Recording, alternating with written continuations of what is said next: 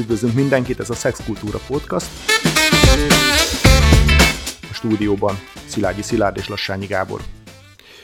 Hát a mai adásunk az egy talán kevésbé vidám oldala a szexualitásnak, mégpedig úgy gondoltuk, hogy a mai adásban elég aktuális témákat, és a különböző médiában elég aktuális témát, a szexuális visszaéléseket fogjuk kicsit gorcsó alá venni, kapcsolódva ahhoz az adáshoz, ahol a szexualitásnak a határait beszéltük át, hogy mi az, ami normális, mi az, ami túlmutat a normális szexualitáson. És egyből tegyük is hozzá, hogy a szexuális visszaélések nem kizárólag a nőkre vonatkoznak, de Magyarországon jellemzően és nagyon durván a nők sérelmére történik a szexuális visszaélés azt lehet látni, hogy azokban az országokban, ahol például Franciaországban, ahol kipattantak most komolyabb botrányok, ott azért azt mutatták, hogy fiatal fiúkat is nagyon nagy számban érint ilyen, ilyen típusú dolog.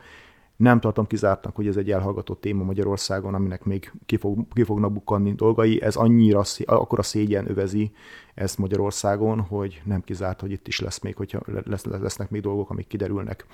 Én a közelmúltban a Womenen olvastam egy portálon olvastam egy összeállítást, ahol igazából egyfajta ilyen baráti körben és ismerősi körben csinálta az újságíró egy interjút, hogy hány módon és milyen módon kaptak nagyon durva érintéseket, nagyon durva támadásokat, akár éppen, hogy csak serdülőkorban vagy fiatal lánykorban az újságírónak az ismerősei, és hát elképesztő történetek voltak, és ezek csak egy személyes gyűjtés volt, egy 6-8 darab ilyen beszámoló.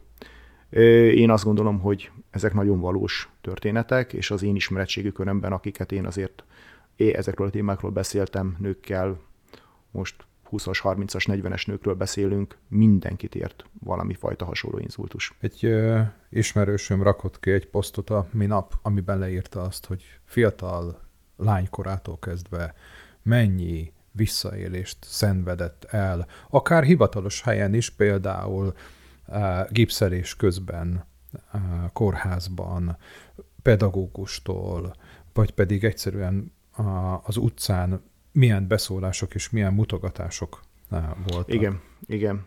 Akkor kezdjük talán még egyszer, vagy térjünk vissza ahhoz a dologhoz, amiről már a néhány adással ezelőtt beszéltünk, hogy mi a szexnek a normálisnak, vagy hát a elfogadott szexnek a határai. Ebben nyilván benne van az, hogy és ebben a szexuális érintések is nyugodtan beletartoznak, vagy akár a vizualitás, vagy akár a verbalitása is.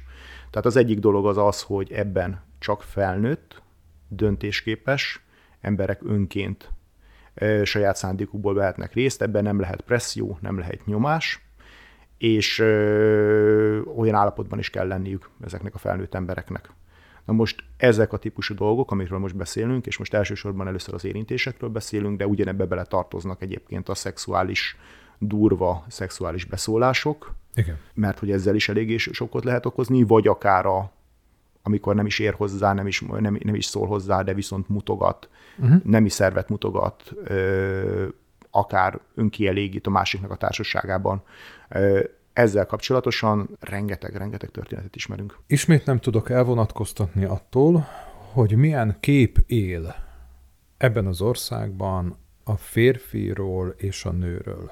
Egy négy-öt évvel ezelőtti kutatás azt mondta, hogy a nő feladata egy családban a háztartás vitele. Erre a válaszolók 78%-a mondta azt, hogy ez így van. Ez eleve determinálja azt, hogy a nőket egy kiszolgáló szerepben látjuk. Amikor én arra kérek klienseket, hogy nőként sorolják föl azt, hogy mik az ő értékeik, nagyon sok esetben azt mondja, hogy hát én viszem a háztartást, bevásárolók, jól főzök, tisztán tartom a lakást. Ez egy házvezetőnő feladata. De sok esetben nem azt gondoljuk, hogy azok a szerepek, amiket látunk, amiket, ránk, am, amiket hozunk magunkkal, amiben a nő alárendelt, az rendben van. És az alárendelődésből és a férfi dominanciájából, felérendelődéséből származik az a hit, hogy én az utcán beszólhatok egy nőnek. Hogy én utána fütyülhetek, hogy én szexuális aktusra hívhatom föl, hogy én elmondhatom, hogy neki milyen jó segge van, meg milyen jó melle van. És hogy ezt normálisnak tartják a férfiak, mert azt gondolják, hogy fölötte állnak a nőnek összetett kérdés, és azt gondolom, hogy bár a jelenségnek a gyökerei az valószínűleg egy irányba mutatnak, azért itt nagyon nagyon-nagyon-nagyon eltérő dolgok vannak. Az egyik az a kép, ami a szexuális zaklatással kapcsolatosan él. Az emberekben ez a tényleg az az ismeretlen személy utcán, egyéb helyen csinál valamit, teszt valamit. És akkor kezdjük talán inkább így fokozatok irányából. Tehát az első dolog az nyilván az az, hogy a beszólások, hangadás, egyéb dolgok. Én azt gondolom, hogy ezért itt nagyon sok minden az állatvilágból jön ezzel kapcsolatosan. Van egy része, én ezzel nem mentesíteni akarom a dolgot, mert azt gondolom, hogy itt de nyilván vannak ebből enyhébb fokozatok, és vannak, vannak, vannak durva fokozatok feminista oldalakon, feminista interpretációban én megértem ugyanazt a dolgot, hogy mondjuk a füttyögést problémásnak, problémásnak érzik.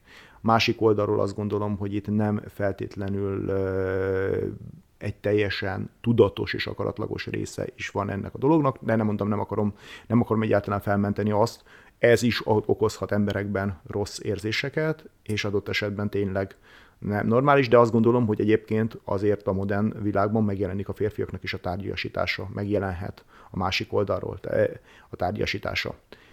A beszólás, a verbális alázás, a testképnek a ismeretlenek által való leszólása, beszólása, felmagasztalása, azt gondolom, hogy ez már egy olyan határ, ami már nem oké.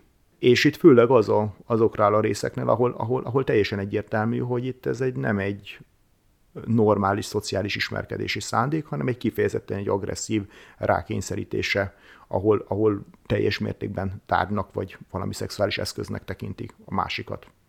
Úgyhogy, úgyhogy ez, a, ez a következő fokozat. Bocsánat, itt azért azért vágnék közben, mert valóban különbség van a között, hogyha valakinek utána néznek, utána füttyentenek. Ez már a, az utána nézés az csak-csak, a füttyentés az nagyon sok esetben már már kellemetlen tud lenni a másik fél számára, de az, amikor tizenéves lányok, akik még nincsenek kiegyezve Abszolút. a saját testükkel, és utána kiabálnak, hogy de megdugnálak cicám, az megengedhetetlen. Abszolút, abszolút így van, és uh, itt különösen az a legrosszabb ebben, hogy tényleg serdülő, vagy éppen hogy csak szexuálisan éppen kinyíló 12-13 éves lányokat is éri ez a fajta verbális és egyéb, egyéb zaklatás. Tehát ez, ezekben az emberekben még inkább fokozottan ez, ez egy sérülést és, és mindenféle félelmet okozhat. És kifejezetten félelemkeltő, hiszen testileg ők, ők azt élik meg, hogy itt áll mondjuk egy erős férfi, vagy erős férfiak, és hogy adott esetben ők neki ki van szolgáltatva, mi történhet ebben a dologban. Tehát ezek valós félelmeket is kelthet bennük.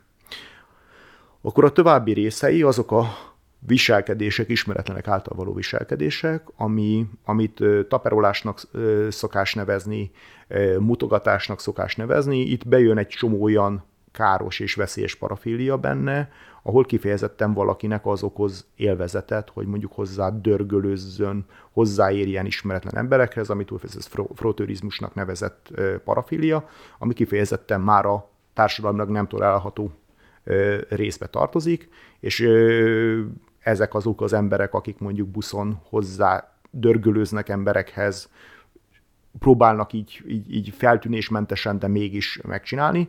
Abszolút olyan viselkedések, amiket nem lehet társadalmilag tolerálni.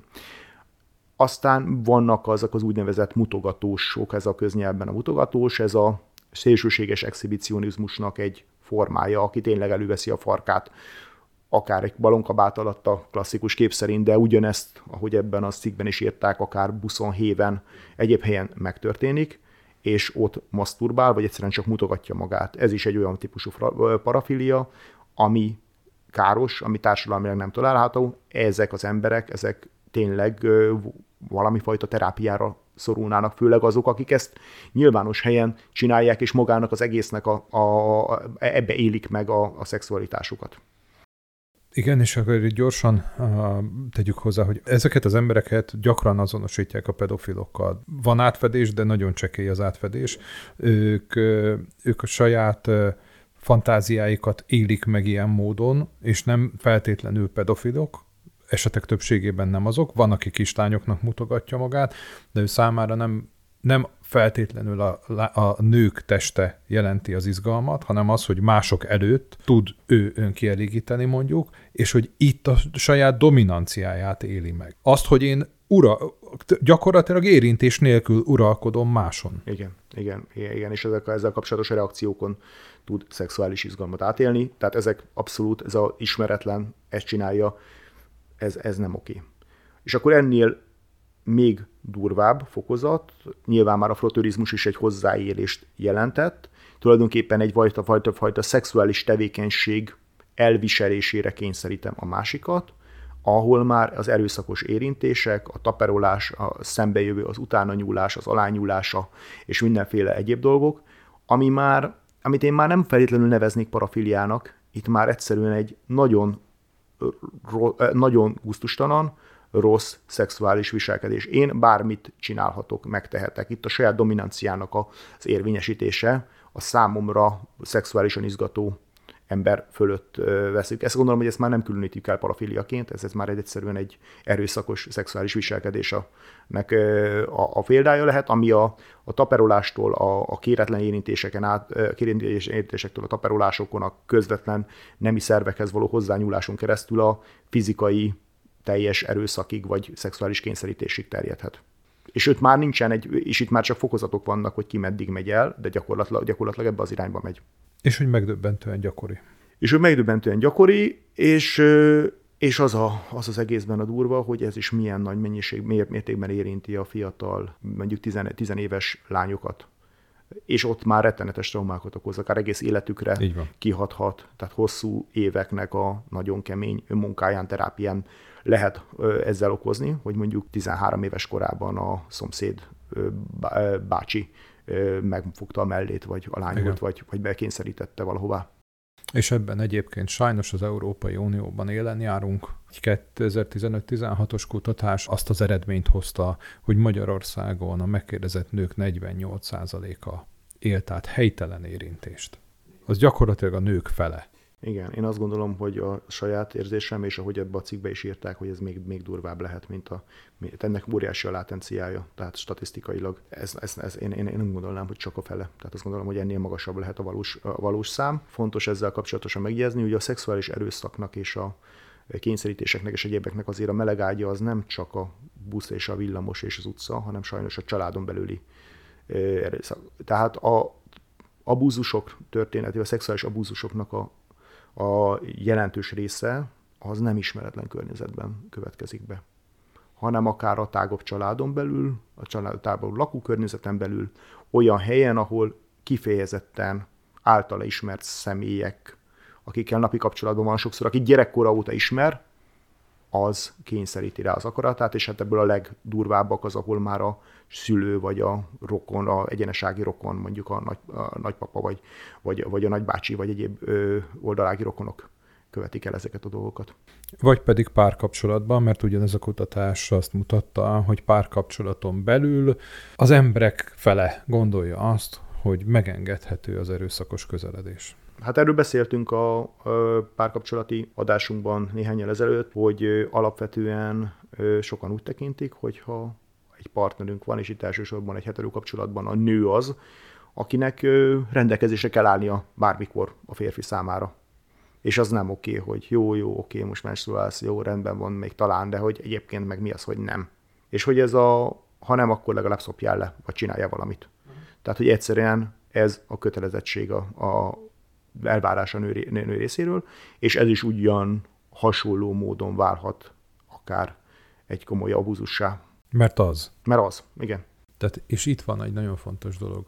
Szexuális visszaélés minden, ami a testemmel úgy történik, hogy én ahhoz nem adtam a beleegyezésemet. És a testemmel történés az nem csak azt jelenti, hogy hozzám nyúlnak, hanem meglesnek, minősítik, jelzőket aggatnak rám, ez mind az én testemre vonatkozó utalás, akkor is, hogyha nem értek hozzám. Ez mind visszaélés. Igen, ez nagy részt nyilván a nőket érinti, de ennek egy része egyébként férfiakat is érinthet, akár megalázás és, és, és minősítés szintjén, akár még kapcsolatilag is. Ebben teljesen igazad van. Ugye én a magam részéről azért azt vallom, hogy fontos foglalkozni a férfiakat ért bántalmazással, fontos foglalkozni főleg a fiatal fiúkat ért szexuális visszaéléssel, mert hogy az is jelentős számban van jelen, azok nagyon, nagyon, nagyon eltűnnek szem elől, egy férfi nem akarja fölvállalni azt, hogy engem megerőszakoltak mondjuk, vagy szexuális aktusra kényszerítettek. Konkrétan tudok olyan példát, ahol a szomszéd szobában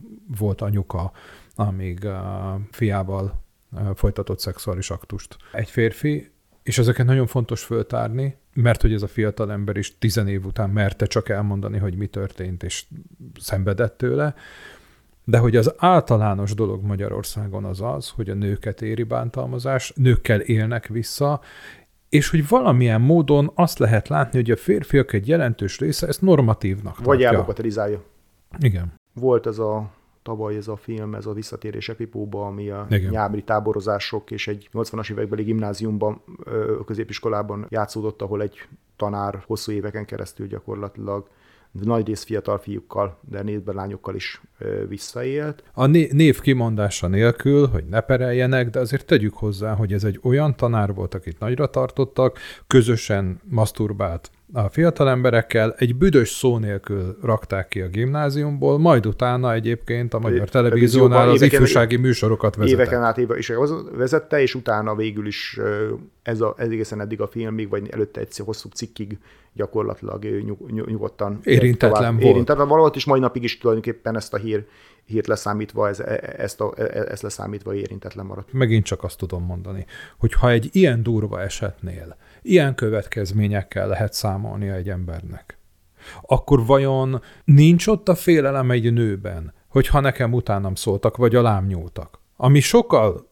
látszólag sokkal kisebb vétek, miközben ugyanolyan komoly probléma, azt én merhetem-e mondani? Igen, és akkor ezzel kapcsolatosan az áldozatvédelemnek és a rendőrségnek és egyébnek a, a szerepe is iszonyatosan fontos, hogy ez jelen pillanatban Magyarországon nagyon gyerekcipőbe jár, hogy ezeknek az ügyeknek a felderítése, ezeknek a szakszerű akár az adatfelvétel, akár a, akár a kihallgatásoknak, egyebeknek az a, az, a, az a biztosítása, hogy olyan körülmények között legyen, hogy ne kelljen 87-szer elmondani azt az abúzust, ne legyen újra traumatizálva az az ember, aki, aki, akit ilyen erőszakért, és lehetőleg ne legyen megbélyegezve. Nagyon... Mert hogy még mindig az áldozat hibáztatás megy, hogyha nem öltöztél volna így, hogy nem ilyen picsányi szoknyát húzol, akkor, de még a szülők részéről is, amikor hazamegy a gyerek, és elmeri mondani, hogy ez történt.